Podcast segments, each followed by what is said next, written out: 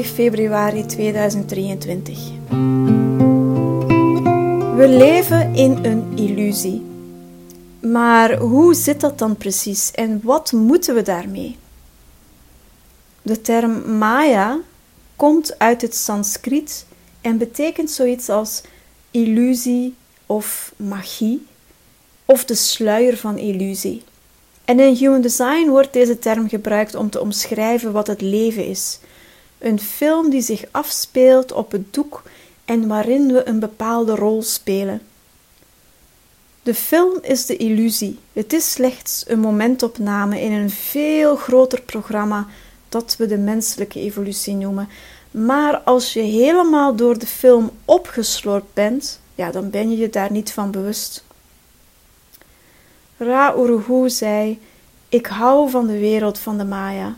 Ik geniet van de illusie. De illusie is verrukkelijk. En we nemen allemaal altijd de conditionering van deze wereld van illusie in ons op door wat in ons open is. Op het moment dat je uitleeft wat je natuur is en leert zien wat conditionering is, alleen daar kan je wijs zijn. Er is niets mis met de illusie. Het is wat het is. Het lastige stukje is echter dat we in de film denken dat we er controle over hebben. Dat we de film kunnen beïnvloeden en manipuleren en veranderen. Maar die controle hebben we niet. En daar is het hele Human Design systeem in feite op gebaseerd. Het is een tool die een tipje van de sluier oplicht, zodat we kunnen zien dat het leven slechts een film is. En dat het niet gaat om de film te manipuleren, te veranderen of te beïnvloeden, maar om ervan te genieten. Human Design laat dan ook zien hoe het werkt en wat onze specifieke rol is die we hier komen uitspelen.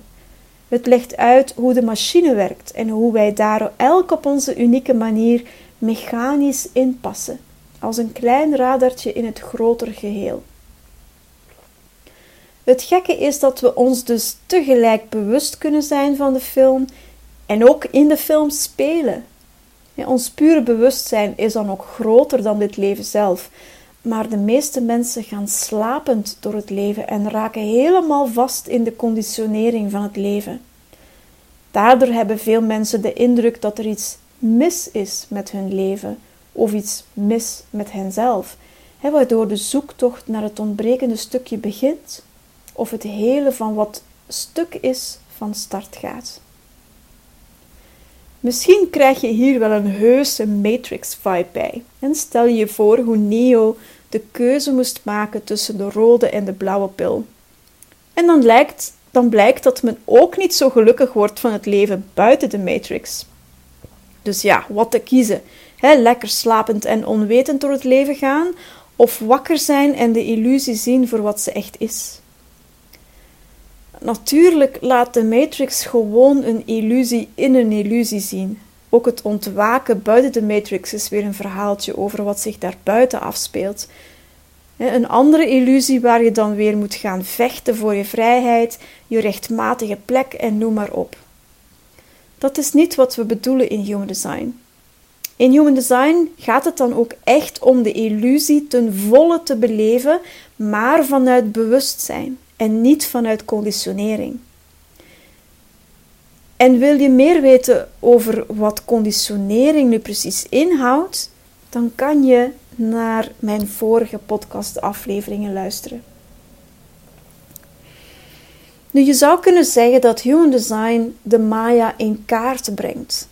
Je leert hoe jouw mechanica in elkaar steekt en wat bij jou hoort en wat niet. Je leert daarbij dat je een bepaalde strategie kan hanteren om correct te opereren als mens in dit leven. En je leert ook hoe je beslissingen kan nemen op basis van wat correct voor jou is, via jouw innerlijke autoriteit. En verder telt Human Design een oceaan aan verschillende laagjes en details over hoe je verder nog bedraad bent. En die informatie kan je helpen om steeds meer je ware natuur te omarmen, zodat je ten volle jouw potentieel kan benutten en uitspelen in deze incarnatie. Daardoor ben je niet langer in strijd met het leven, want je leeft precies zoals je bent ontworpen om te doen. Sterker nog, als je je design leeft, dan kan je ook echt van het leven genieten.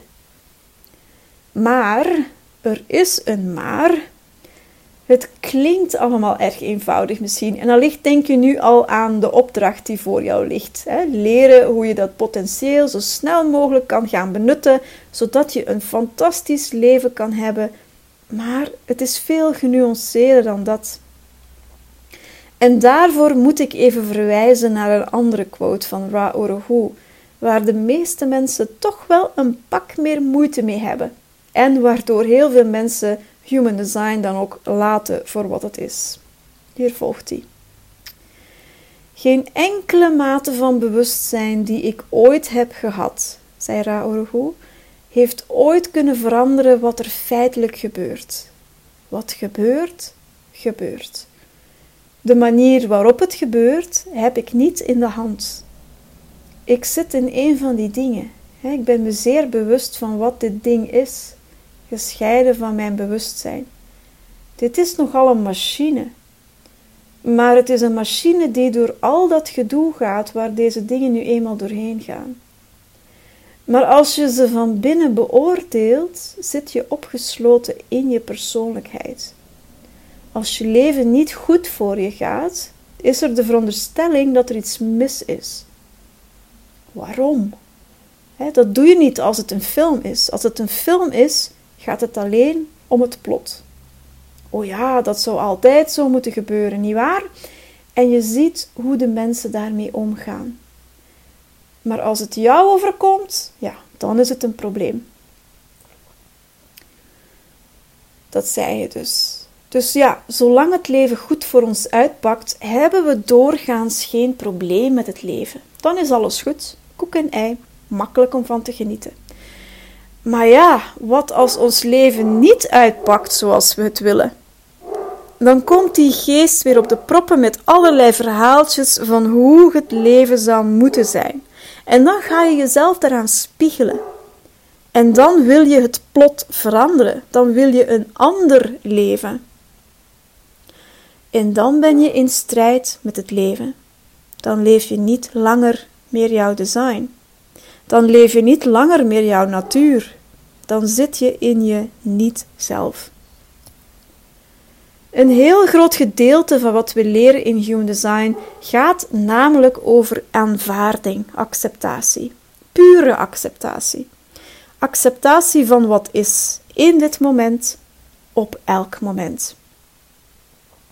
De geest is natuurlijk arrogant te geloven dat het wel beter weet, dat het leven zus of zo zou moeten zijn en dat als het leven niet loopt zoals verwacht of zoals we het willen, wanneer we het moeilijk krijgen of lijden, dat er dan iets mis is. Dat moet gefixt worden, gerepareerd. Dit zei Ra. Zelfs wanneer mensen gelukkig zijn, is het een probleem, omdat ze bang zijn dat ze hun geluk zullen verliezen. Het is allemaal een probleem en het zorgt ervoor dat ze verstrikt raken in al die onzin waar ze altijd doorheen gaan. Oh, ik moet mijn leven beter maken. Ja, geweldig leven, maar je leeft het gewoon niet. Oh nee, het is verschrikkelijk. Ik verloor mijn dit en mijn dat en ik voel me zo slecht. Ja, wauw, wat een drama. Ik bedoel, wat te doen? Dat zei hij. En we vergeten natuurlijk helemaal dat dit slechts een film is die zich afspeelt op het doek. In de bioscoop ga je toch ook niet proberen die film te veranderen. Je kijkt hem gewoon en daar kan je dan van alles bij voelen en wel of niet akkoord gaan met hoe de acteurs hun rol uitspelen en hoe het plot verloopt. Maar dat verandert niets aan de film. je stapt misschien boos of teleurgesteld de bioscoop uit, maar dat zal de film, het leven dus, een worst wezen. En zo kunnen we ons hele leven bezig zijn met te proberen de film, ons leven dus, naar onze hand te zetten, niet beseffend dat dat helemaal niet kan.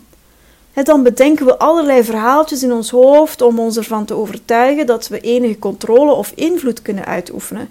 Dat we de film kunnen manipuleren of iets kunnen manifesteren dat alles verandert. Maar dat is niet het leven leven. Dat is het leven proberen bedenken en dus beleven vanuit ons hoofd. Eigenlijk zijn we dan helemaal niet aanwezig in ons eigen leven. Wat een zonde! Het leven is maar zo kort. En Ra zei ook: Ik herinner mij een man die naar mij toe kwam in Taos, New Mexico, die er alles aan deed om me te zien en veel geld betaalde voor mijn privé-tijd. En hij komt de deur binnen en gaat zitten en zegt me met een zeer ernstige stem: Ik ga dood. En ik zei: Ja, ik ook. Nee, zegt gij, ik ga echt dood. En ik zei: Ja. Nee, zei hij, ik ben ziek. En ik zei: Ja, wat wil je van me? En hij zei: Nou, ik heb gehoord over human design. Kan jij mij genezen? En ik zei: Ja, nee, ik kan jou niet genezen. Waarom geniet je niet van sterven? Waarom ga je er niet in op? Waarom zie je niet wat er met je gebeurt? Waarom overstijg je dit niet? Met hem ben ik trouwens niet zo ver gekomen, zei Ra.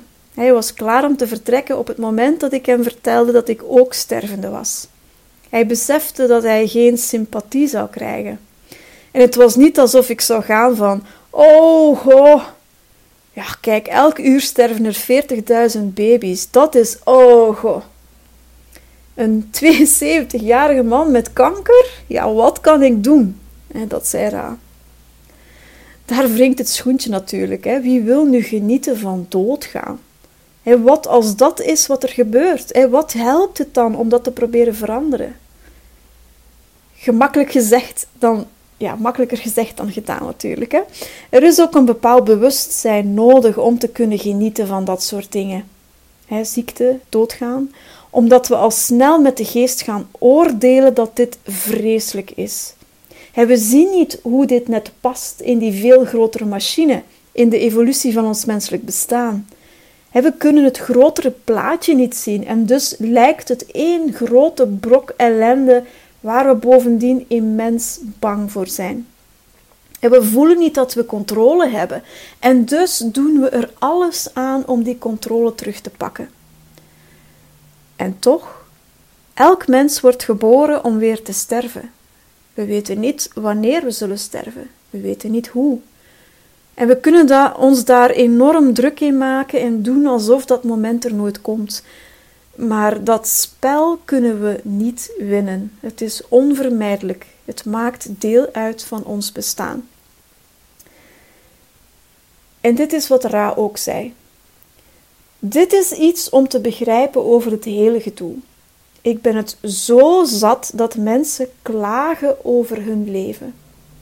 Mijn Facebook-ervaring was op die manier verschrikkelijk. mensen die klagen over hun leven. Give me a break. Het enige vermaak dat je krijgt is je leven. Je krijgt geen ander vermaak en toch ben je er al die tijd over aan het zeuren. Je ziet niets, je schiet er niets mee op, want het is gewoon wat het is. En iedereen is bezig met repareren. Ze kijken naar hun leven en ze zeggen dat ze dit moeten veranderen en dat moeten veranderen. Hoe krankzinnig. Wij zijn geen zeven gecentreerde wezens, maar we leven wel in een zeven gecentreerde wereld vol propaganda. Al die dingen over wat het leven is, wat het hoort te zijn, waarom je hier bent, waarom het belangrijk is, maar ze weten het niet. Het zijn gewoon dingen die ze blijven herhalen omdat iemand het eerder heeft gezegd. Dat zei Ra.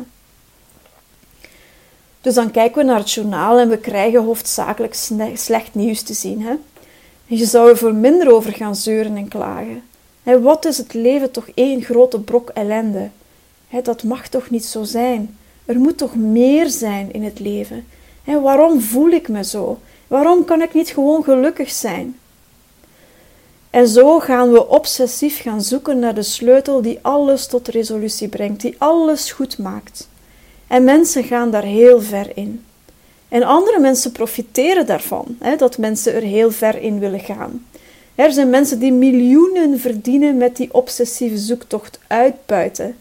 Want ja, als we zo op zoek gaan naar iets wat we niet vinden, of wat niet te vinden is, Ja, dan blijven we maar dingen uitproberen, boeken kopen, oplossingen zoeken, therapieën en cursussen volgen, hè, ons suf mediteren en yoga, hun verlicht proberen worden en zo verder. Dus ja, velen van ons verdienen geld door van het niet zelf van de ander te profiteren. Ja, en je hoeft je daar niet slecht over te voelen. Hè? Dat is gewoon wat er gebeurt, omdat we met z'n allen nog niet dat grote bewustzijn hebben. Het ligt sowieso buiten onze controle om. En dit zei Ra ook. Het gaat er niet om wat het is om een uniek wezen in dit leven te zijn. Het gaat er niet om om wat het is om bewust te zijn. Ik sta altijd versteld van de New Age. al deze mensen die verlicht willen zijn. Maar verlicht zijn is accepteren. Life's a bitch. Het is gewoon zo. En dat weten we allemaal. Er is niets gemakkelijks aan een biovorm zijn in dit bestaan. Zelfs als je bevoorrecht bent. Het blijft een biovorm. En al die grappen die ik maak over verlichting. Hè, stupid before, stupid after. En ellendig ervoor, ellendig erna. Nou, dat is waar. Het is gewoon zoals het is. Het is gewoon niet zo belangrijk. Daar gaat het niet meer om. Het is niet alsof er iets mis is. En als je het weet, weet je het. Het is niet dat er iets mis is, dit is de film. En je wordt het geboeide publiek dat geniet van het reilen en zeilen van je eigen drama. Ik hou van mijn drama's. Wauw, wat zijn ze goed, zei Ra. Ja, wat als het leven nu eenmaal zo is? Er is ellende, er is veel diep lijden, maar er zijn ook hele mooie dingen in het leven. Dat is de aard van het leven, yin en yang. En zo steek jij ook in elkaar. En dan moet ik weer denken aan die web die ik in de vorige aflevering beschreef. Op en neer gaat die, telkens weer opnieuw. In de illusie, in de film, zijn we een biovorm en daar ontsnappen we niet aan. De bedoeling van het leven is dan ook om onszelf toe te laten, die biovorm dan ook helemaal te zijn. Jouw lichaam helemaal te bewonen, te ervaren wat het is om mens te zijn. Meer is er niet te doen. En dan kom ik weer terug bij een van mijn vorige afleveringen. We hebben geen controle over het grotere programma dat zich uitspeelt, hoe het leven zich ontvouwt. Er is geen vrije wil, ook al lijkt die er voor de geest wel te zijn. Denk er eens even over na. Telkens wanneer jij denkt dat je een keuze hebt gemaakt, heeft jouw lichaam eigenlijk al voor jou gekozen. Heel kort voor je bewust wordt van de keuze die gemaakt wordt of gemaakt moet worden, is de keuze al voor jou gemaakt. Dat is reeds wetenschappelijk bewezen. Dus ja, hoeveel invloed en controle heb je dan nog? Dat is dan ook het lastige aan dit hele verhaal, dat ook dat stukje bewust worden eigenlijk niet jouw keuze is. Dat is wat zich uitspeelt, dat is wat gebeurt. En jouw geest bedenkt er dan een verhaaltje bij over ja, hoe jij dat voor jezelf hebt bewerkstelligd.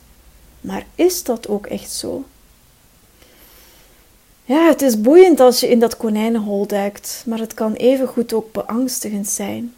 He, zo ben ik ook al door momenten heen gegaan waarin ik pure angst ervoer, omdat mijn geest zo in paniek raakte bij het idee dat ik bestuurd word in plaats van zelf aan het stuur sta.